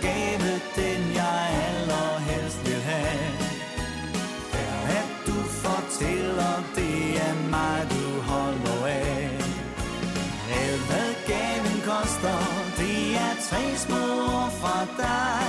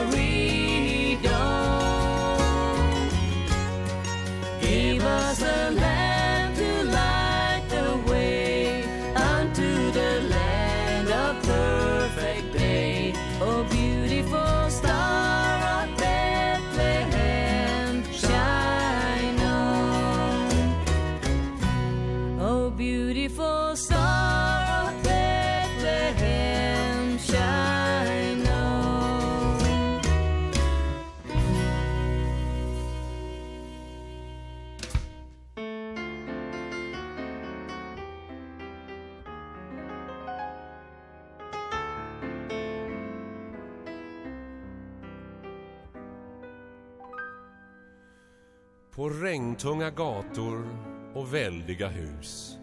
Tändas nu storstadens flammande ljus. Köp genast biljetter, kom in här och se.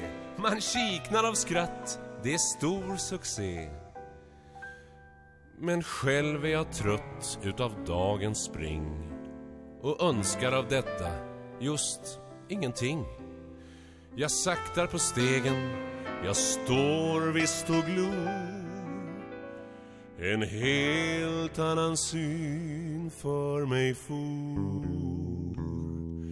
Nu tändas åter ljusen i min lilla stad. Två ganska svaga lyktor framför rådhusets fasad. De lyser över ströget, där går Kalle och Marie. Och blinkar emot Vera på Valens konditori.